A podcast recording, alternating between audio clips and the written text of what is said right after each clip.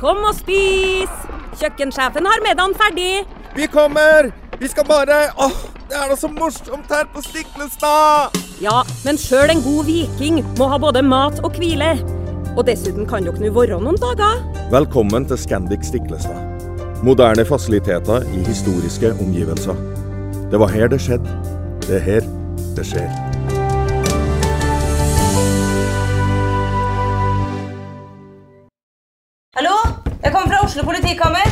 Ine Jansen er purk. Er du purk? The motherfucking bitch. Alt jeg vil, er å finne ut hva som skjedde med mannen min. Jon Carew. Er jeg sikta for noe? Iben Akeli. Det er du. Ole So, Lars Berrum og Big Daddy Karsten. Hvem sin side er du på, egentlig? Anette Hoff, Tone Danielsen, Kommer du fra Afrika? Jørnis Josef, Nesten. Kløfta. Trond Espen Seim, Det er synd å si det, men det var feil mann som døde. Purk. Premiere tirsdag på TV2 Play.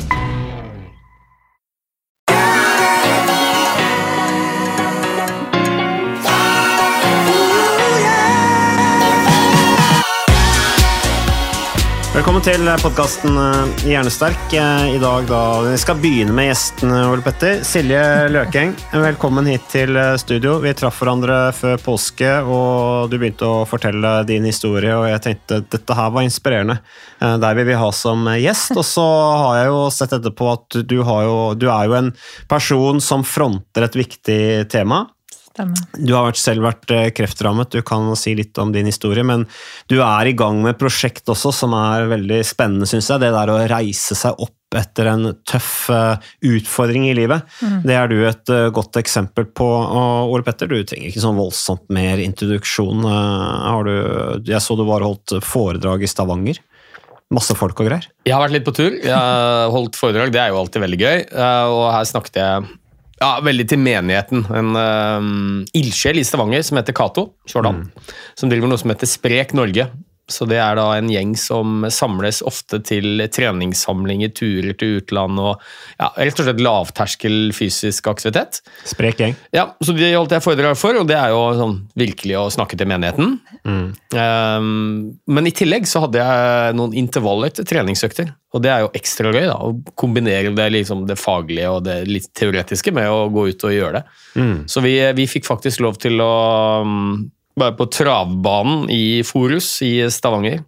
Så var vi en hel haug med folk som løp rundt på travbanen der. Da er det stort sett bare hester som får lov til å være. Så vi storkoste oss. Ja, ja. Jeg er så støl i dag at jeg knapt kan gå. Men det var veldig gøy. Ja, ja men det høres bra ut. Det er veldig bra. Men eh, Silje, det er du som er hovedperson eh, her i dag. Tusen takk for at du kunne komme i eh, studio. Um, Kan ikke du først bare fortelle litt om det du har vært igjennom når det gjelder sykdom? Mm. For sykdom er jo et ofte tema her. Vi har lyttere som sender inn spørsmål, kanskje har vært syke selv, har andre rundt seg som er eh, syke.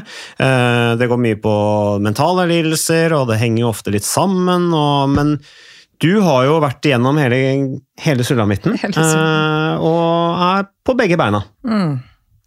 Ja, det har vært en reise, for å si det mildt. Eh, Ja, jeg fikk diagnosen da i 2019, så eh, fikk jeg vite at jeg først hadde forstadiet til eh, livmorhalskreft ganske tidlig på våren eh, 2019. Så jeg var veldig innstilt på at eh, jeg til høsten var nødt til å fjerne livmor og livmorhals. og det var egentlig fokuset mitt. Og så gjorde jeg en brystkreftsjekk, som jeg gjør regelmessig, som man skal gjøre regelmessig. Eh, fordi at eh, eh, søskenbarn hadde hatt brystkreft eh, noen år før meg, og eh, hadde lært meg viktigheten av å sjekke meg sjøl. Sånn at I Norge så blir du ikke screena før du er over 50, som gjør at det er veldig viktig å kjenne kroppen sin. Det gjelder egentlig alt, også og på en måte, ja, alle funksjoner på kroppen. Er det noen endringer, så gå til legen og få det sjekka ut. Så jeg fant en eh, kul i brystet og eh, tenkte at det her er en eh, syste, at det er liksom helt ufarlig, og drar til legen og blir henvist til brystdiagnostisk og får en time der rett før sommeren. Og så, når jeg kommer inn dit, så er jeg mm, som sagt bare innstilt på å få inn, sjekka det ut og dra på fortsette ferien min. Men når jeg kommer inn der, så blir jeg sendt direkte inn i eh, ultralyd etter mammografi. Og det er, hvis man har funn på mammografi, så går man på en måte videre i prosessen. Da. Og på den eh, ultralyden så skjønner jo jeg ganske fort at her er det noe som ikke stemmer. Du vet når du er i et rom, og så endrer stemninga si fra lyst og ledig til plutselig veldig alvorlig. Og det skjedde. Eh, Det ble oppdaga en kul som hun, eh, mammakirurgen ønska å ta en biopsi av. Og eh, det gjorde de, og så eh, står hun bak det her eh, behandlingsbordet og ser på meg, og så sier hun at du, jeg tror jeg vil bestille en MR med en gang. Mm. Og da skjønner nok jeg at, at det her er mer alvorlig enn hva jeg trodde. Og så sier hun til meg bare vent på venteværelset, så skal jeg komme tilbake med en time til deg. Eh, og så er hun borte i bare noen eh, minutter, så kommer hun tilbake med det her eh, arket. og sier til meg at du bare følg etter meg, så, så skal jeg snakke med deg. Og idet hun går inn og tar i det her dørhåndtaket på det stillerommet, så skjønner jo jeg at jeg har fått kreft. For hun hadde aldri dratt meg inn på et stillerom uten at det var en, en alvorlig beskjed hun skulle gi. Så jeg knekker egentlig bare sammen og tenker at uh, shit, uh, skal jeg bare bli 40 år? For da hadde jeg akkurat feira 40-årsdagen uh, min, og hele verden, altså hele liksom, livet mitt passerte i revy omtrent. Og, eh, og jeg bare tenkte at eh, eh, shit, hva har jeg gjort? Har jeg liksom opplevd det jeg skulle oppleve? Eh, kommer ungene til å huske meg? Eh, hvordan person har jeg vært? Har jeg vært en ok person? Liksom hele det her eh, rekker du å gå gjennom på veldig kort tid, som er ganske fascinerende. Mm. Store spørsmål. Ja, store spørsmål, men også veldig viktige spørsmål å stille seg, som jeg egentlig ikke hadde stilt meg sjøl før jeg fikk denne opplevelsen. Eh, og går inn der og eh, får selvfølgelig beskjeder om at jeg har fått eh, brystkreft.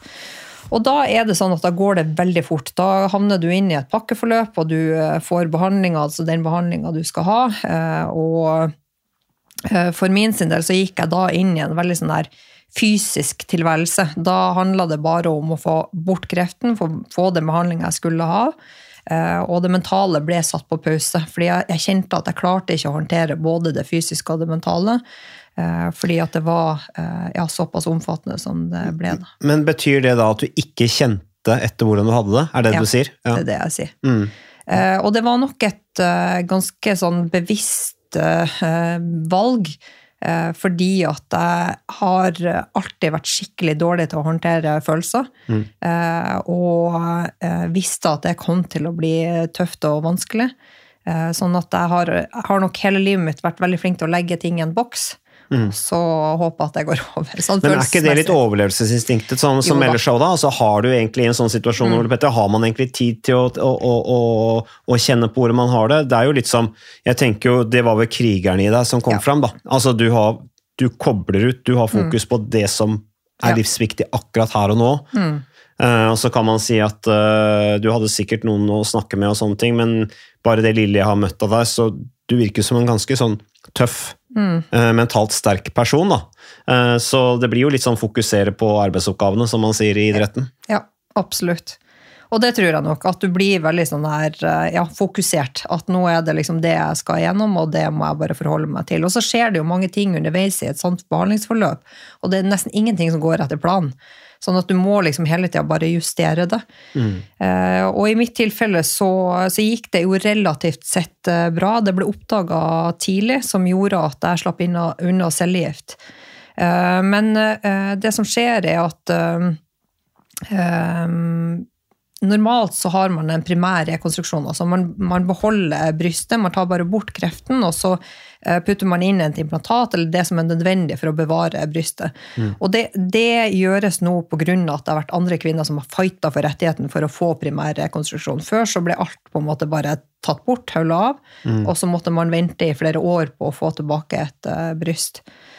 Eh, Men hos meg så gikk det ikke, fordi jeg hadde tre kreftsvulster, og alle lå på en måte i ytterkant av eh, huden, sånn at min hud den døde, som gjorde at eh, det ikke var mulig til slutt å bevare det brystet. Så vi prøvde med noe transplantasjon og masse forskjellig. Men til slutt så sa jeg stopp. Jeg orka ikke flere operasjoner, for det var lange og tunge operasjoner. Og jeg visste at jeg måtte fjerne livmor og livmorhals, så jeg kjente at kroppen min trenger å hvile, og så må jeg forholde meg til det seinere.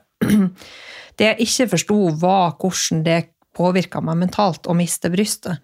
Eh, For det ble mye, mye tyngre enn hva jeg hadde trodd. For jeg trodde sånn rent rasjonelt sett, så tenker jeg at uh, ok, men det er ikke noe stort offer å miste brystet så lenge jeg har blitt kvitt kreften. Eh, Men jeg innså jo da at å se seg sjøl i speilet etterpå ble faktisk helt umulig. Jeg bare ville kaste opp og brekke meg, og det handla nok om to ting. Det ene var at jeg følte at jeg hadde mista kvinneligheten i meg. Og det handla om at brystet var borte, og livmora og livmorhalsen var borte. Så jeg følte liksom at alt det kvinnelige var bare røska bort. Og så ble jeg satt på hormontabletter som fjerner de kvinnelige hormonene i kroppen min. Som er en eh, måte å hindre tilbakefall på, men det gjør også at du kommer i en kjemisk overgangsalder. Mm. Sånn at hele kroppen min var fullstendig forandra. Og så var det det faktum at at det, det brystet som var borte, det arret som var der, minte meg jo på om kreften. Og det ble på en måte en sånn retraumatisering hver gang jeg så meg sjøl i speilet. For frykten satt jo i kroppen. Så hjalp på en måte ikke hvordan jeg rasjonelt klarte liksom å eh, forklare at det her er på en måte eh, en grunn til at det har skjedd, men, eh, men kroppen min reagerte veldig sterkt da, eh, på det. Men så så jeg jo helt eh, vanlig ut. Um, jeg hadde ikke mista håret, eh, som gjorde at, um, at ingen kunne liksom se på utsida at jeg hadde det vondt og vanskelig. Og jeg gikk nok tilbake til eh, livet altså etter alle de her operasjonene og den behandlinga. Så starta jeg på en måte med å gå tilbake på jobb, eh, tilbake til familie, venner. Prøvde å oppføre meg så normalt som eh, mulig. Jeg Hvor lenge etter var det? Etter at du liksom var Da snakker vi om, eh, om kanskje sju måneder eh, ja, etter, etterpå. Så nå er vi i 2020, eh, litt ut i 2020. Uh, og jeg husker jeg hadde den innstillinga at fake it till you make it. Det her kommer til å gå bra. Det er, liksom, det er ikke noe å tenke på. Alle de følelsene, alt det du tenker på nå, det er bare, bare la det gå. Um, og så ble det uh, vanskeligere og vanskeligere, fordi at innsida mi var bare helt ripped. Altså, jeg følte meg som var kjørt over av 17 trailerlast og følte meg som verdens styggeste. Og så når jeg fikk da kommentarer, enten på jobb eller andre plasser, om at ja, så glad for at det har gått eh, fint med deg, Silje, du ser så bra ut, så bare det var akkurat noe som rakna inni meg. For jeg bare, ja, men ser du liksom ikke hvor vondt jeg har det? Liksom, ser du ikke hvor, hvor, hvor eh, fælt jeg har det liksom på innsida? Sånn at det ble liksom Og jeg skjønner intensjonen eh, var god, og jeg forstår hvorfor de kom. Jeg hadde kommet til å gjort akkurat det samme. Men, eh, men i hodet mitt så ble det bare eh, Det ble bare en løgn, fordi at jeg følte meg som sagt som verdens eh, styggeste. Eh, Så da gikk det egentlig en sånn nedadgående spiral hele det året. Og det ble bare mørkere og mørkere i hodet mitt, og jeg følte liksom at jeg levde på en løgn. Eh, Og at eh, livet mitt var overhodet ikke sånn som det ble portrettert. Um, og det endte med at eh, jeg faktisk ikke hadde lyst til å leve lenger. Og det handla om at jeg hadde såpass mye fysiske smerter pga. de medisinene jeg var på. Altså leddsmerter, muskelsmerter, kvalme. Jeg kasta mye opp. eh, Gikk ned masse i vekt. Eh, Og i tillegg så eh, så eh, klarte jeg ikke å se på kroppen min. Eh, Sånn at eh, alt ble bare veldig, veldig mørkt og vanskelig. Så det endte med at jeg gikk forbi elva i Kongsberg og hadde egentlig lyst til å bare hoppe uti og avslutte det hele. Og, på det tidspunktet så Når jeg står foran den elva, så skjønner jeg at nå er det nok. Nå må du liksom snu og ta tak i deg sjøl. Du har alle verktøyene rett foran deg, og de må du ta i bruk. Eh, Jeg jobba med arbeidshelse hele livet mitt. Jeg har hjulpet andre til å eh, komme tilbake til jobb, komme tilbake til, eh, til livet. Og så har jeg ikke tatt i bruk de verktøyene sjøl. Så da ble det Ja, da kom krigeren egentlig fram i meg, og da var det Ja, nå er det, nå er det nok. Samtidig som det verktøyet har du jo åpenbart der, da. Altså Ja. den der rasjonelle tankegangen, Mm. at du henter fram det der at nå må Ja. du. Altså, Den er jo helt åpenbar hos deg. Ja. At du har de der bryterne du, du, skur, du er vel sånn skrur av, ja. eller skrur på en side, da, Mm. som gjør at du fokuserer. Eh, så, så de, tom for verktøy har du nok aldri vært, det er helt åpenbart. Men du må Eh, finne verktøyet nå, vet du. Ja. Det gjelder ikke bare å vite at du har de. Nei, og det- men det klarer du jo også å lete fram, da. Ikke Ja. sant? Når du virkelig trenger det, når, du, du, Mm. når det er helt livsnødvendig Ja. for deg, så klarer du å hente det fram. Så det, det, det, det sier jo noe om at det ligger der latent, eh, og at du, at du har det som en forsvarsmekanisme i deg. Men, eh, men jeg tenker på når man har vært igjennom en sånn runde som du har vært, altså Mm. først eh, livmorhalskreft, Mm. eh, fjerne den, eh, og så kommer det en ny runde. Altså, hvor lenge etter var det det med, med brystkreften etter den første ja, runden? Altså, det ble faktisk i to etapper. Da. Så, eh, brystkreften ble jo oppdaga før jeg hadde operert eh, livmor og livmorhals, og da ble det en Mm. Så da fjerna vi eh, Altså du gjorde det med brystkreften eh, først, og så kom eh, livmorhalsen etterpå. Ja, ok. eh, livmora og livmorhalsen etterpå. Sånn at hele den høsten 2019 så var jeg egentlig ja, i operasjoner titt og ofte for, å, for å bli kvitt egentlig kreften. Så, eh, og det gjorde jo, altså Når man ser på utsida, så ser man jo ikke hvor mye jeg har operert, men det er jo store inngrep. ikke sant? Og inngrep på kroppen er energitappende. Eh, og så eh, gjør det jo selvfølgelig noe med deg at du havner i en situasjon der du må forholde deg til, til liv og død eh, på en sånn måte. At det er Plutselig så blir du eh, møtt med at livet ikke nødvendigvis blir så langt som du hadde tenkt på. Sånn at eh, det, det ble veldig sånn her rart for meg, fordi at jeg gikk ifra å frykte å dø til å ønske å dø. Og det var en sånn her ja, veldig, no, Jeg kan se tilbake på det nå og tenke at det er en god erfaring å ha med seg, eh, med tanke på det jeg jobber med. Men samtidig så, så er det eh, utrolig hvordan den mentale helsa påvirker egentlig alt.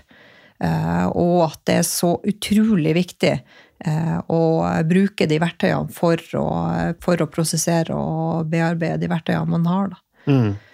Men eh, Silje, jeg tenker på, når du har vært igjennom det du har vært igjennom med, den, med den tøffe behandlinga, all den julinga, og så er du ferdig med det, egentlig da friskmeldt til en viss grad, men så kommer på en måte ettervirkningene av å ha vært eh, gjennom så, en så tøff periode som har tatt så mye på da, det fysiske, så er man jo mentalt ekstremt sliten Ja. pga. påkjenninga. Da blir man jo også veldig sårbar mentalt. Ja. Og så kommer alle disse her, som du sier, ikke sant, at du, du var på en måte skuffa over at du følte kanskje ikke at du egentlig var ferdig med det pga. at arrene var så tydelig. Men hva gjorde du da for å komme videre derfra? Du har jo allerede nevnt dette her med når du sto og, vurderte å, å hoppe i elva, men ikke gjorde det. Men så har du også vært veldig åpen i media. Eh, vært en inspirasjon for andre som, som har vært langt nede med, med sykdom. Eh, du har vært på God morgen Norge. Jeg lest en svær artikkel om deg i VG i påska. Ja. Uh, Er det noe som, som har hjulpet deg da å, å åpne så opp som det du har gjort? Ja, altså det var nok eh, et eh, bevisst valg fra min side når jeg starta den reisen på en måte tilbake til livet. Eh, Så starta det med en eh, 365 dagers challenge. Så jeg ga meg sjøl en utfordring å være fysisk aktiv hver dag i et år. Altså ut på tur. Mm. Hver eneste dag i et eh, år. Og jeg har nok alltid egentlig vært en veldig lukka person, og ikke delt så mye på sosiale medier, og egentlig vært veldig privat. Mm. Men så begynte jeg, eller lagde en konto på Instagram mest for å holde meg sjøl ansvarlig for det målet jeg hadde satt meg. Fordi jeg visste det at skal jeg klare å gjennomføre, så, eh, så må jeg ha en eller annen form for eh, um, accountability, altså noe som gjør at jeg eh, ønsker å gjennomføre. For det er jo sånn at ja, å si at du skal gå på tur hver dag i et eh, år høres relativt lett ut. Men eh, det er dager det regner, det snør, det er kaldt. Det er, liksom, det er mange grunner til at du ikke har lyst til å gå over den eh, dørterskelen. Og for meg så ble det en sånn ja, motivasjon da, til å ønske å gjennomføre. Så det starta med det. 365 Days eh, Challenge. eh, Begynte å dele på Instagram, og samtidig så ba jeg selvfølgelig om hjelp fra psykolog og en coach. Mm. Så jeg fikk hjelp av eh, psykologen til å starte å jobbe med følelsene. Eh, Bare det å kjenne altså, Vi snakka om rookie på følelser. Jeg måtte begynne liksom å kjenne etter hvor satt de her følelsene, for jeg var jo full av angst. Eh, Og skjønte ikke hva er det liksom som trykker på brystet mitt, hva er den greia her? Og da skjønte jeg jo at det her er jo angst. Mm. Så, så det var en sånn der eh, prosess for å ja, rett og slett lære å kjenne seg, eller kjenne på følelser. Så du kjente fysisk? Jeg kjente det veldig fysisk. Mm. Det kjentes ut som en elefant sto på brystet mitt, og jeg hadde sånn altså rett og slett panikk der jeg ikke klarte å tenke noen rasjonelle tanker. Angsten er jo helt kvelende. Eh, og kanskje den verste smerten jeg noen gang har kjent på. For den fysiske smerten den vet jeg på mange måter går over, men angsten er sånn der du bare mister helt kontrollen. Så eh, jeg lik, jeg, De sier jo til meg at du må bli venn med angsten, men det har jeg ikke klart ennå. For det syns jeg er veldig vanskelig, for den er så irrasjonell. Eh, og jeg er et veldig rasjonelt menneske, sånn at jeg fighter veldig eh, det. Men den angsten hadde du ikke før Den kjente du ikke på før sykdommen? Nei, den fikk jeg da når jeg fikk den diagnosen. Og den sitter jo faktisk i ennå. Og det er nok en veldig sånn ja, fysisk reaksjon. Ja. Ja, jeg jeg syns du er veldig flink da, til å sette, sette ord på det jeg tror veldig mange kreftpasienter opplever. Det er 40 000 nordmenn nesten som får kreft hvert år. Brystkreft som du eh, har hatt, det er jo den vanligste kreftformen for kvinner. 4000 kvinner eller noe sånt. Og 10% av alle kvinner vil få brystkreft en eller annen gang før de er 80 år. Ja. Eh, Og det er dette med mm, Vi ser jo på kreft som en fysisk sykdom. Mm. Du ble henvist til en onkolog, en spesialist på sykehuset. Du får kirurgi, du får strålebehandling, cellegift, hva det nå måtte være for noe. Og, og, og så Jeg har møtt så mange som sier at uh, man blir selvfølgelig veldig opptatt av den fysiske biten. Man skal bli kvitt en fysisk svulst, den må bort. Og så fjerner man den, og så følges man opp over noen år, står kanskje på medisiner, og så finner man ut etter fem år at det er ikke noe tilbakefall, man blir erklært frisk. Men så sier mange pasienter at jeg føler meg jo ikke frisk. For jeg tror mange tenker det at kreft det er noe du enten så har du det, eller så har du det ikke, og hvis du ikke har det, så er du frisk. Men de arrene, både fysiske og mentale, da, eh, i etterkant, det har vært så alvorlig syk at du er usikker på om du ønsker å leve videre. Bivirkninger av medisinene, eh, fatigue, hva det måtte være for noe, eh, som jeg tror mange sliter med i etterkant. Ja. Så jeg, jeg sitter med veldig sånn inntrykk at vi, vi overser en del av disse mentale utfordringene som følger i kjølvannet av fysiske i anførselstegn sykdommer. Ja, ja, og at vi ikke har god nok evne til å se hele mennesket. Vi blir så opptatt av den fysiske svulsten, den skal bort. Og der er vi kjempegode. Ja, Og så er vi kanskje ikke like gode på alt det andre som følger med. Og det har du helt rett i, at eh, det er, altså det er oppgaven deres er jo å bli kvitt eh, kreften, og det, det er fint, men det er som du sagt, at det kommer med en konsekvens. da. Så jeg pleier å si at uh, jeg er fri for kreft, men jeg er ikke frisk. Fordi at uh, det er så mange etterfølger etter en sånn alvorlig diagnose, både fysisk og mentalt. Eh, Så, så det er litt sånn Selv om man ser frisk ut, så betyr ikke det at det er den fulle og hele sannheten. Nei. Og det tenker jeg at man skal ha respekt for, at når man har vært igjennom en, en uh, sånn tørn da, som kreft er, så, eh, så tar det tid å finne en ny normal. For det liksom, man tenker at man skal tilbake til livet, men livet blir aldri det samme etterpå. Uh, Det kan bli bra, det kan bli mye bedre, men det kommer til å være annerledes. Fordi at du sitter på en erfaring som, uh, som har vært krevende, men også veldig unik. Da. Ja. Ja. Hvilke verktøy var det du Du sa du gikk til psykolog, og så hadde Ja. du en coach, og så tydeligvis treningen har vært en viktig del Ja, eh, for altså, deg? og eh, der, eh, altså når jeg begynte å gå, så eh, etter at jeg var ferdig eh, behandla, så gikk jeg også til postkassen. Det var første målet mitt. Eh, og så valgte jeg da å aldri ha fokus på ver verken tid eller lengde. Jeg gikk på en måte det jeg følte at kroppen min hadde eh, kapasitet til, og hva jeg ønska for noe. Og så ble jo det lengre og lengre turer. For det jeg oppdaga når jeg var ute på tur, var jo at jeg fikk tid og rom til å prosessere mine egne tanker og følelser. Og jeg gikk ofte, eller nesten alltid alene på tur. Og det gjorde jeg bevisst fordi at jeg ønska nettopp det rommet. Når man er liksom mamma, man er kollega, man liksom har virket sitt, så så er man i hamsterhjulet. ikke sant? Og det å skape rom for seg sjøl, som trening ofte kan gjøre, da, eller fysisk aktivitet, så, eh, så får man tid til å liksom finne seg sjøl igjen. Fordi jeg hadde veldig behov på å finne liksom fundamentet i meg sjøl. Hvem, hvem, er jeg nå? Eh, og hva, hva tåler denne kroppen min? For jeg hadde liksom, jeg snakka jo ned kroppen min.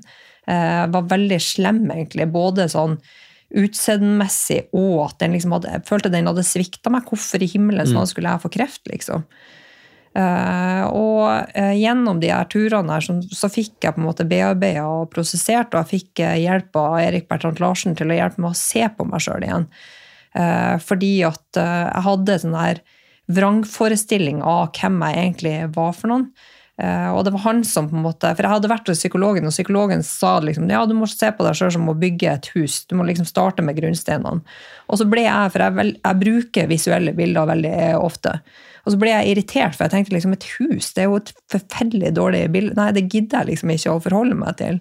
Så jeg vet jo at Erik Bertrand Larsen er kjempeflink på visuelle bilder. Eh, og på en måte eh, hjelper folk igjennom ting. Og bygger mental kapasitet. Eh, så da eh, gikk jeg til han og hadde en eh, time med han, og så sier han at ja, men, men Silje, du, du, må jo se på deg sjøl som en kriger. Du har jo på en måte mista et lem fordi at du skulle overleve. Du har jo kjempa deg gjennom det og da var det bare klikk i hodet mitt. Så skjønte jeg bare åh, liksom, hvorfor har jeg ikke tenkt på det før? At selvfølgelig er det det jeg har vært hele tida, at kroppen har jo overhodet ikke svikta meg. Men det tok tid å prosessere det. Også, hvis du ser på min Instagram-konto, så vil du se at på dag 66 så kommer det et bilde av meg sjøl der jeg står foran speilet uten eh, Altså helt eh, toppløs med mm, det, eh, det bildet. Ja. Eh, og hvis du leser teksten på det bildet, så skjønner du at der tar jeg et oppgjør med meg sjøl. Nå er det nok, nå får jeg ikke lov til å snakke meg sjøl ned lenger. Når du ser deg sjøl i speilet, så skal du takke kroppen din for at den er der for deg, for at den står opp for deg, for at beina bærer deg, for at du kan eh, gjøre det du har lyst til å gjøre, eh, og ha respekt for den istedenfor å, å si stygge ting til den. For den, den er liksom det eneste du har som, som holder deg i live. Så, så, det ble et sånn skikkelig veiskille for min sin del i forhold til det å virkelig skjønne at det å ta vare på kroppen sin, det er min oppgave. Det er mm. ingen andre sin oppgave, både fysisk og mentalt. Uh, så ja. det er ikke blitt sånn da at du har, vært, du har hatt kreft, du har vært gjennom uh, runder, uh, fått masse Ukas annonsør det er HelloFresh. Og hvis du nå går inn på hellofresh.no og bruker koden 'fresh hjerne', så kan du få opptil 1779 kroner rabatt på da de fem første matkassene dine hvis du ikke har prøvd Hello Fresh enda. Og Ole Petter, vi er jo glad i Hello Fresh i podkasten Hjernesterk, selvfølgelig fordi at de er en annonsør. De er med og bidrar til å spre det glade ordet om fysisk aktivitet og god helse, men i tillegg så har jo vi også nå lang erfaring med Hello Fresh eh, selv. Så vi må jo si at det har vært gode erfaringer til nå. Ja, absolutt. Visste du Mats, at HelloFresh er faktisk verdens ledende matkasseleverandør? og Tilbudene til HelloFresh gjør det enkelt å lage gode og varierte retter som skaper matglede. Og matglede vet du, det er like viktig som hva du putter i munnen. Det å spise mat med folk du trives med. Så gjennom 25 nye og inspirerende retter hver uke så bidrar HelloFresh til dette. Du kan bestille ekstra porsjoner om du får gjester, eller hoppe over uke hvis du f.eks. skal bort. Mm. Og Det er ingen bindingstid, og du velger leveringstidspunkt og dag selv, så leverer Hello Fresh matkassen din akkurat når det passer deg. Ikke dårlig, Mats.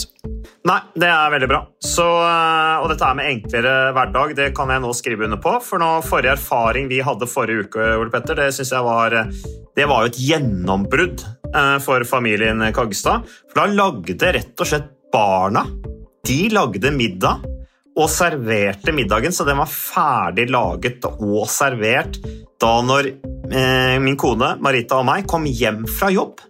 Og jeg mener Det var jo bare helt utrolig. Eh, Det var helt fantastisk. Det ble en nydelig middag. Riktignok de, de, de, de roter og søler litt, det gjør de. Så, men, men maten ble veldig god. De var veldig stolte over å kunne ha både laget og servert maten, så det var helt fantastisk. Så vi har jo da i det siste så har vi eh, spist eh, bl.a. sitron- og dillstekt hyse med ovnsbakte grønnsaker og aioli. Eh, Vi har spist middelhavsinspirert kylling. Taco, så finnes det mange ulike typer taco. F.eks. vietnamesisk taco, som vi har spist. Thailandsk vegetargryte.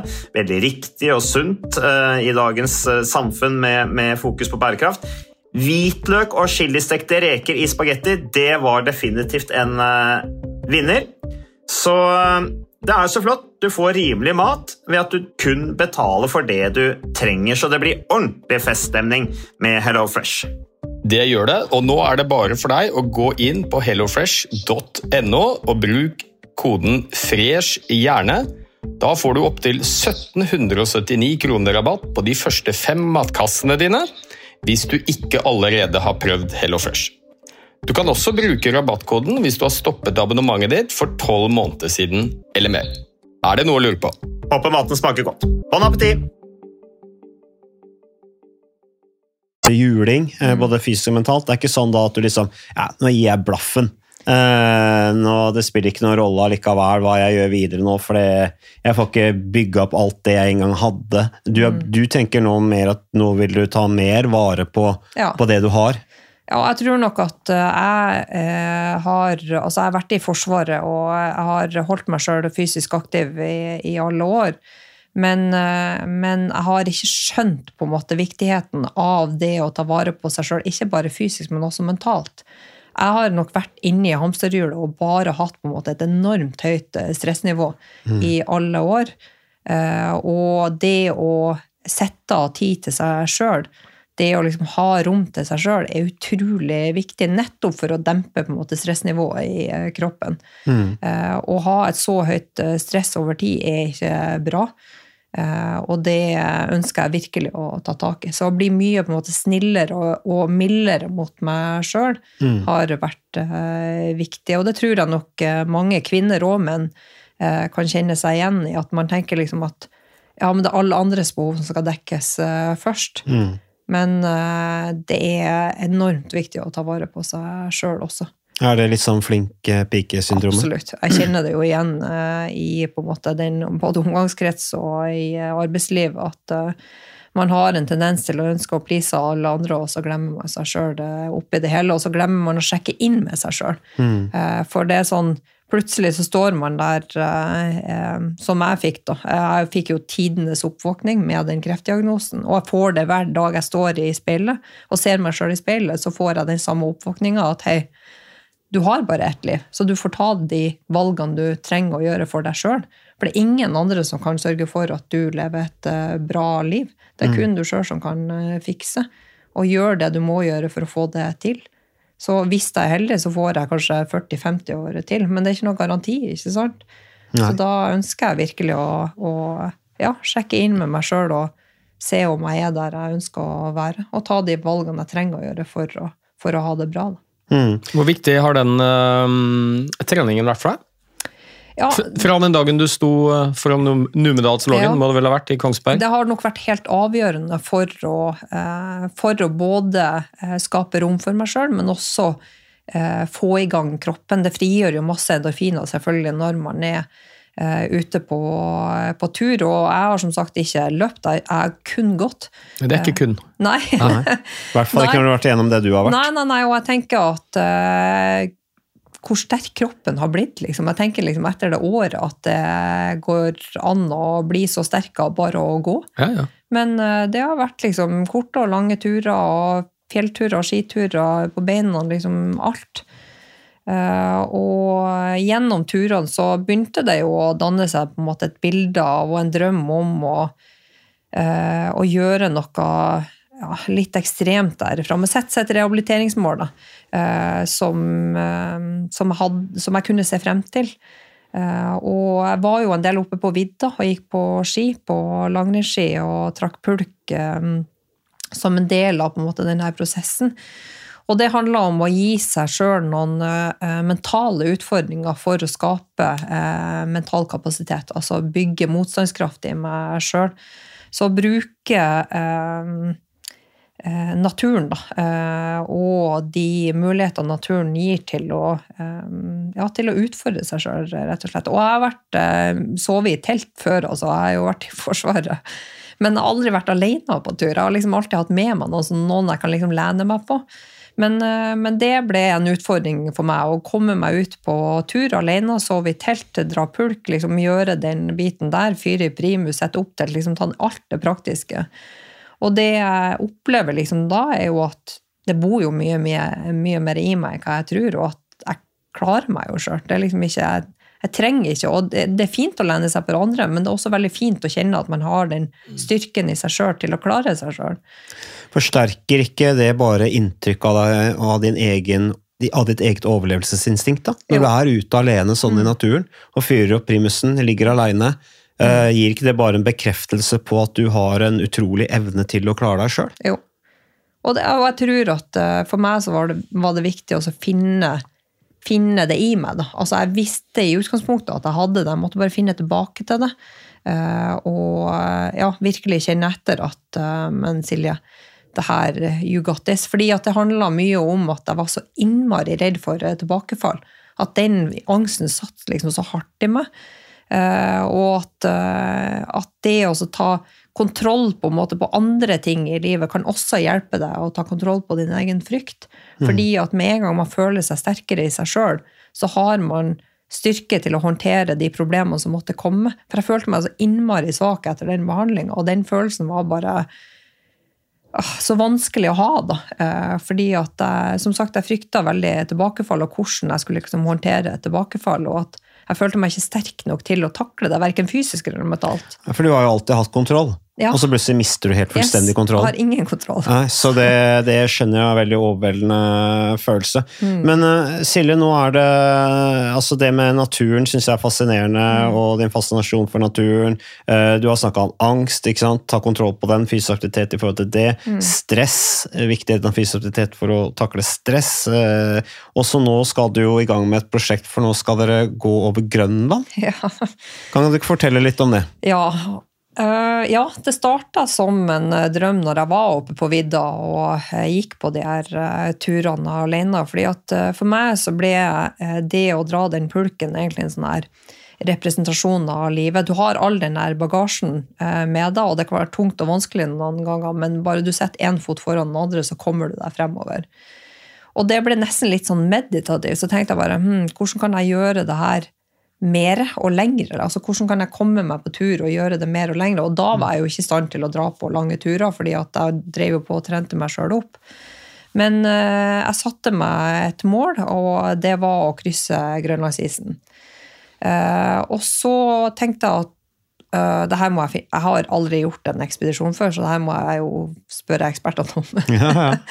Så jeg tok kontakt med Liv Arnesen og sendte melding til henne på Instagram og tenkte at ah, hun kommer aldri til å svare meg, men jeg må bare spørre.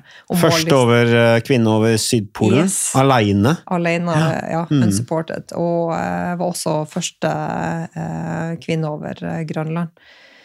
Eh, sammen med Julie Maske. Eh, og um, sender melding til henne, og hun svarer faktisk umiddelbart og sier at hei, jeg har lyst til å møte deg og, og gå en tur. Mm. Så vi gjorde det. Jeg møtte henne og gikk tur, og forklarte hun liksom hva jeg har vært igjennom, både fysisk og mentalt, men også at jeg sto på medisiner som gjorde meg ganske dårlig. Mm. Og spurte liksom er det mulig å, å kan klare å krysse Grønlandsisen.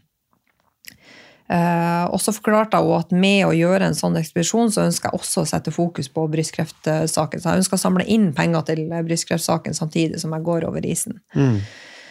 Uh, og så sier hun at ja, men det er ikke noe problem, det får du til. Uh, med den historikken og ja, den fysiske kapasiteten din, og ikke minst den mentale kapasiteten. Så det tenkte hun, det går fint. men du, du får jo ikke lov til å krysse den isen alene. Og så tenkte jeg bare hæ? Eh, for jeg hadde virkelig bare tenkt å gå over den isen alene. Men eh, da er du nødt til å gå med guider. Og mm. hvis du skal gå i et guida team, så havner du jo ofte i et uh, team som kanskje ikke har de samme forutsetningene som deg for å gjøre den type ekspedisjon. da. Eh, og det gjør jo min opplevelse også annerledes hvis de må gå med et friskt team. Eh, og da sier jeg det i anførselstegn. Eh, men eh, så sier hun at men hvorfor starter du ikke bare et brystkreftlag? Og så ble jeg sånn Ja, hvorfor gjør jeg ikke det? Så, så det Da veit du i hvert fall at det er tøffinger da, som har Ja. overlevd kampen. ja. Så, og da ble jeg sånn, ja, ja, men det kan jeg jo gjøre. Og Mm. hun har jo gjort mange prosjekter før, internasjonale prosjekter. Eh, Så da eh, satte jeg rett og slett i gang med å etablere et skandinavisk eh, team av brystkreftoverlevere fra Norge, Sverige, og Danmark og Grønland, Mm. som, som da skal krysse isen nå i mai. Så vi har jo holdt på nå i ett og et halvt år med trening og bygging av team. Det praktiske. Det er også få på plass utstyr, sponsorer, hele liksom pakken for å klare å krysse Grønlandsisen, eh, har vi eh, ja, jobba lenge med. Hvor mange er dere som skal gå? Vi er fire brystkreftoverlevere. og så det er meg fra Norge, Lisa Sunni fra Sverige, Andrea Rudolfi fra Danmark eh, og Ineko eh, Maja Holmi fra Grønland. Vi skal gå sammen med selveste Liv Arnesen. Hun er mentoren vår og skal Mm. gå sammen med oss. Som er bare helt surrealistisk at vi får lov til å gå med den første kvinnen som gikk til uh, Sydpolen.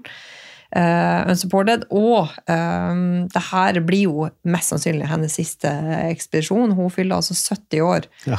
det, den dagen vi kommer over uh, isen.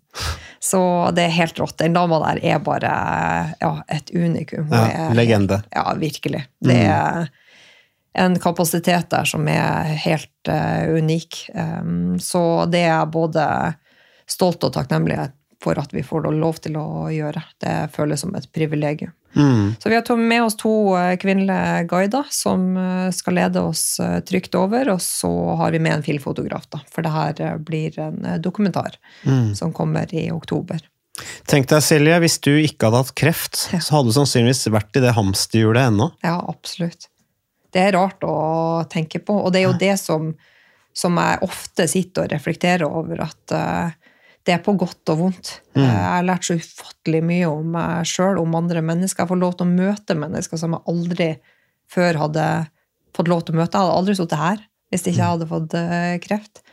Så det er, det er virkelig en sånn en ting jeg skulle ha vært foruten, men samtidig takknemlig for at jeg har fått den erfaringa. Du er jo blitt en inspirasjonskilde Ja, for eh, veldig mange eh, med den historien, uansett hva de har vært igjennom, tenker jeg.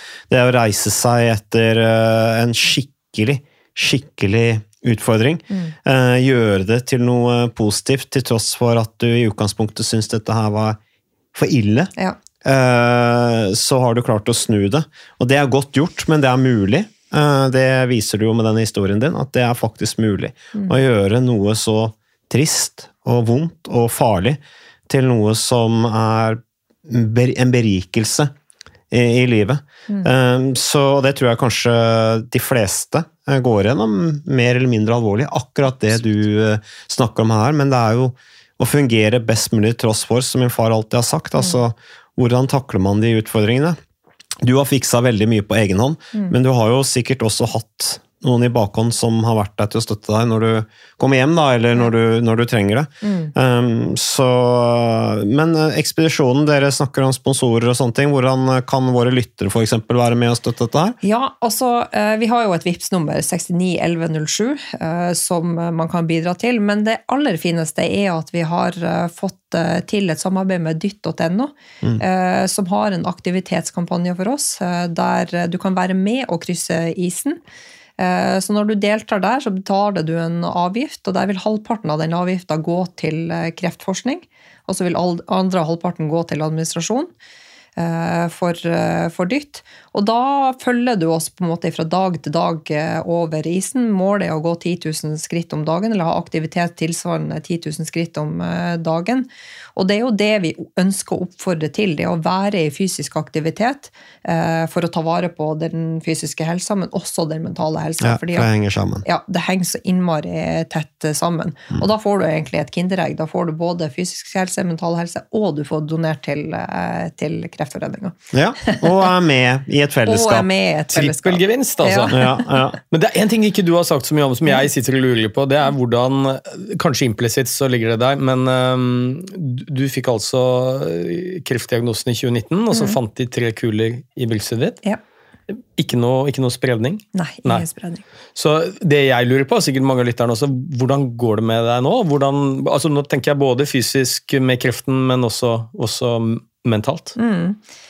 Uh, ja, det er et veldig eh, godt eh, spørsmål, og eh, stort sett så går det veldig, veldig fint. Jeg har jo utfordringer med de medisinene jeg står på. Er det tamoxifen? Tamoxifen, ja. ja. Det er jo Eh, disse antiøstrogen Ja. som man tar fordi en del av kreftsvulstene kan vokse Ja. på østrogen. Mm. Og det, eh, det er jo altså virkelig en gave å få lov til å kunne ta den medisin, eh, men samtidig så gir den masse, masse bivirkninger. Kan du si noe om Ja, det er altså eh, For min sin del altså, slår det veldig ut i eh, leddene. Eh, Kvalme. Jeg har blitt eh, veldig kvalm av de tablettene, gått ned ganske mye i vekt. Eh, Jeg fikk veldig økt migrene. Jeg hadde migrene fra før, men fikk økt migrene som følge av det. Slimhinnene blir veldig tørre. Eh, Og eh, ja, musklene eh, blir rett og slett litt ømme. Det kjennes nesten ut som å ha influensa. Mm. Eh, og det kommer jo med fatiguen også, men, men ja, er Du blir veldig Eller jeg blir det. Det er ikke alle som blir det, heldigvis, men ganske mange blir redusert på de tablettene. Og det kan også påvirke deg mentalt, fordi at du er i hormonubalanse, rett og slett. Eh, Som gjør at du lettere har på en måte tendenser til både depresjon og angst. Og det er viktig på en måte å huske på hvordan man på en måte kan altså, møte det, da, eh, til tross for at eh, du går på de medisinene. Og da handler det jo om å ta vare på seg sjøl fysisk, men også jeg går til psykolog en gang i uka for å, for å få hjelp med det mentale. Og så er det jo sånn at når man først har fått en eh, kreftdiagnose, så vil det måte oppstå ting underveis som kan være utfordrende. Og nå fikk jeg i forrige uke så eh, fant jeg en eh, ny kul i brystet som jeg gikk til fastlegen eh, med, og ble henvist igjen til brystdiagnostisk. Um, og det kjenner jeg liksom at igjen, det rent rasjonelle så tenker jeg at det er bare en syste, det er helt ufarlig, det er ingenting å tenke på. Men, eh, men angsten tar meg, rett og slett. Men Har du vært på den kontrollen? eller? Nei, jeg skal den 27. Ja. Uh, som er fint at jeg får gjort før jeg drar ut på den ekspedisjonen. Uh, at jeg slipper å måtte gå og lure på det over eh, isen. Men, men det er jo sånne ting sant, som, som skjer underveis, at man må enten gå til kontroll, som de fleste gjør en gang i året. Kontroller er kjempevanskelig, å gå inn på det sykehuset og ikke vite liksom, hvordan utfallet egentlig blir. Eh, eller at man oppdager ting underveis da, som må håndteres. Så ja, så det går fint, men, eh, men det er ikke lett eh, hver eneste dag. Det er det absolutt ikke. Eh, Til slutt, nå har jo du nevnt mye av det, Silje, men eh, til slutt nå før vi avslutter, eh, hvilke råd vil du gi til kvinner som opplever, eller til mennesker som opplever det du har vært igjennom, da, sånn cirka? Ja, jeg tenker liksom, Når du møter på motstand i livet Jeg sier motstand, for det kan være hva som helst. Det kan være skilsmisse, det kan være syke barn, egen sykdom, eh, det skjer noe på jobben. altså Det kan være hva som helst. Så husk at eh, litt er mye. Altså ett steg av gangen. Prøv å liksom tenke at en liten justering kan hjelpe meg å få det litt bedre. Så hvis jeg klarer på en måte å bruke den, eh, den fysiske formen til å gå tur la meg si ti minutter i dag, da, så eh, klarer jeg kanskje 15 minutter i slutten av uka, og så klarer jeg kanskje 20 minutter om tre uker. Så bare husk det at når du starter på en måte en endringsprosess, så tar det tid å bygge seg opp, eh, og ikke gi opp underveis.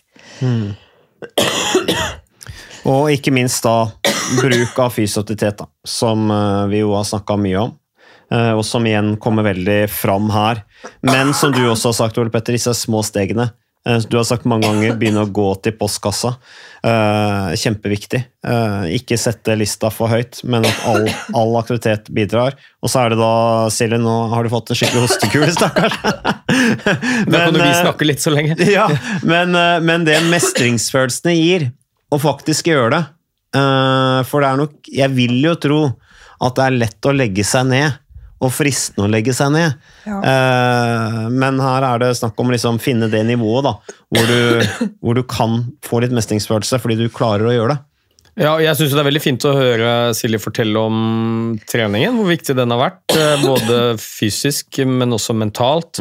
Dette vet vi jo egentlig ganske godt fra forskning, men eh, det er veldig lite brukt uh, foreløpig i helsevesenet. Jeg, jeg er veldig glad for at det begynner å, å komme inn eh, nå i pakkeforløp, og at det er rett og slett en, en standard del av kreftbehandlingen, i tillegg til selvfølgelig det vi allerede har, og som fungerer veldig godt med kirurgi og cellegift og strålebehandling og hva det måtte være. Det er denne muligheten for å bevege seg litt, eh, annet aktiv mot kreft, som har disse pusterommene som finnes på flere og flere sykehus rundt i Norge. og Der tror jeg du sa du hadde litt erfaring med det. Kunne du helt avslutningsvis kanskje sagt litt om det? Hvordan det, det ble gjort i, da du var hos legen? Først får, du, får du fram ordene, Silje. Jeg har skikkelig Jeg har vært forkjølt i ei uke nå, så. Ja, det har vært mye som har gått. og har det. Uh, jeg hører om at jeg har stemme igjen. ja. Um, når man havner i pakkeforløpet, så får man også tilbud om uh, eh, bruk av pusterom. Som er utrolig fint og veldig sånn lavterskel måte å komme seg i fysisk aktivitet igjen. Og jeg fikk akkurat samme tilbud og starta med det i Kongsberg. Og det høres ut som jeg griner. Jeg gjør ikke det, det er bare hosen. um, og da får du egentlig hjelp av en fysioterapeut til å komme deg i fysisk aktivitet. Og da, for min sin del, så var jeg jo ganske sånn immobil av at jeg hadde hatt så store operasjoner. Eh, og det å få hjelp til å være i litt aktivitet eh, var veldig fint. Så da gikk jeg liksom på tredemølla, jeg lærte meg å gjøre noen enkle yogaøvelser. Eh, Og der kan du komme liksom så mye du vil i løpet av uka, være med på fellestimer. Og kjenne liksom eh, på kroppen din at den kan fungere. da. Eh, Så det var utrolig hjelpsomt og fint å kunne, kunne bruke pusterom. Og Aktiv mot kreft gjør jo en fantastisk jobb for å, for å bistå folk med en alvorlig diagnose. Ja, og det, er- det, jeg tenker det er så viktig og så undervurdert det der at altså det å være i god fysisk form, da, ta vare på sin egen fysiske helse, mentale helse også, men ved å være i aktivitet, det er jo alltid nyttig. Altså fra, du, fra vugge til, til grav. Men er det liksom én gang i livet hvor du virkelig vil høste en, den største gevinsten ved at du har tatt vare på din egen helse, så er det jo den dagen du blir sjuk. Ja. Altså, Helt klart. du står, det, det, det er ikke sikkert at altså, Det er ikke noe garanti for at du ikke blir sjuk, på noen som helst måte, selv om det reduserer sannsynligheten også. Så du har liksom en sånn fantastisk gevinst ved at én, det er mindre sannsynlighet for at du blir sjuk, også med mange krefttyper, eh, hvis du er i regelmessig fysisk aktivitet. Ingen garanti, selvfølgelig, som veldig mange er eksempler på. Men du står også litt stødigere i det, både fysisk og mentalt. Du er rett og slett litt, litt mer robust, eh, og vi vet jo at det bidrar til at du eh, tåler behandlingen bedre. De fleste får færre bivirkninger. Mm. Tåler tøff behandling, som gjør at prognosen også faktisk blir bedre, og bedre mental helse. Så, Ja.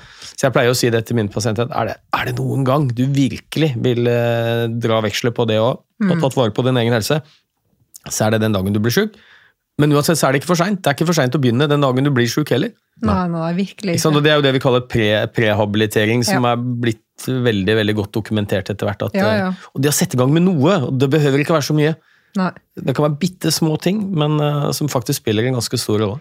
Jeg tror det er så utrolig viktig å huske på hvilket ansvar man har for sin egen kropp, men å huske på at som du sier, det er aldri for sent. Det er aldri for sent å begynne. Eh, Å begynne det små og ikke sette deg for store mål. fordi det jeg opplever, er at veldig mange som jeg, som jeg ser når jeg på en måte deler de her Jeg lager sånne aktivitetskampanjer til de som følger meg på Instagram og sier at ok, bli med meg på en 30 dagers challenge eller 60 dagers challenge. Eh, Så start liksom i det små, og om du klarer liksom å være med hver dag, flott. Klarer du én dag i uka, kjempebra. Altså Alt er bedre enn ingenting. Så du må liksom bare Ja. begynne en plass. Og, ja. Og det er så viktig, for jeg tror folk, fortsatt det er mange som tenker det at ja, men jeg har hørt at 150 minutter i uka for voksne og sånn. Ja, det er helt supert det hvis Mm. Ja, ja. du får til det, men hvis du akkurat har fått en kreftdiagnose, kanskje har du fjernet et bryst, du har masse ja. arr, du står på medisiner, du er kvalm, du er langt nede mentalt. Mm. Eh, 150 minutter i uka er helt framstår som helt uoppnåelig. Ja, ja. Og da mister du gnisten. Så, Motet, liksom. så Ja. Mm. akkurat som du sier, hvert eneste steg teller. Ingen som har funnet noe nedre grense for hva som hjelper. Nei, nei, absolutt ikke. Det, og bare det å komme seg ut i naturen, få den friske lufta og kjenne liksom på å bare eksistere, istedenfor å liksom, som jeg sier, være i der hamsterhjulet hele tida, det er jo fantastisk. Men det er viktig å huske på da, at å skape og, eh, og gjøre endring tar tid. Gjennomsnittlig 66 dager for å skape en endring. Og det å tåle å stå i den prosessen er viktig. Da. Og der kommer på en måte det mentale inn. Og jeg bruker liksom eh, eh, tre faktorer når jeg snakker med folk det er for å skape endring, og det handler om vilje, mot og disiplin. Du må ville gjøre en endring, det er det første du må bestemme deg for. Og så må du ha mot til å klare å stå i den endringa, og så må du bruke disiplin de dagene vilje og mot svikter. For det kommer det til å gjøre. Det kommer til å være dager der du ikke har lyst til å gå ut og gjøre noen ting som helst, du bare vil ligge på sofaen. Men du vet bedre, og da gjør du det. Ja, det er kjempebra. Jeg, jeg, jeg pleier å legge til én ting, og det er okay. det å feile. Ja. Uh, for det er en helt naturlig del av alle endringsprosesser. Eh, Mm. Ja. Uh, å, noen ganger så får du det ikke til. Nei, nei, nei. Uh, og at man da prøver å unngå å tenke at alt er lintet-tanken. ikke sant? Nei, nå har jeg ikke fått det til en uke, nå kan jeg bare drite i det. Nei. Men heller prøve å tenke at dette er helt normalt. Ja, ja. Dette er en ledd i det å gjøre en endring, og kanskje heller prøve å finne ut hvorfor ble det sånn det ble. Og at man kan ta med seg noe av det videre. Silje, eh, tusen takk for at du kom. Eh, Hvor eh, kan man følge deg videre nå? På Ja, sosiale medier osv.? eh, På Expedition Pink Ribbon på Instagram er det der vi kommer til det. Altså der deler jo jeg min historie og min reise, og der kan du også følge ekspedisjon og alt det som skjer med ekspedisjon, Mm. deler jeg der. Så der får du med deg ja, litt av hvert. Ja, Det blir veldig spennende. Tusen takk for at du kom. Uh, masse lykke til. Uh, veldig inspirerende å høre på deg. Uh, derfor er vi veldig glad for at du var her også. Takk til deg, Ole Petter. Takk til lytterne våre. Takk til Moderne Media. Takk til samarbeidspartnere. Vi er tilbake med mer neste uke.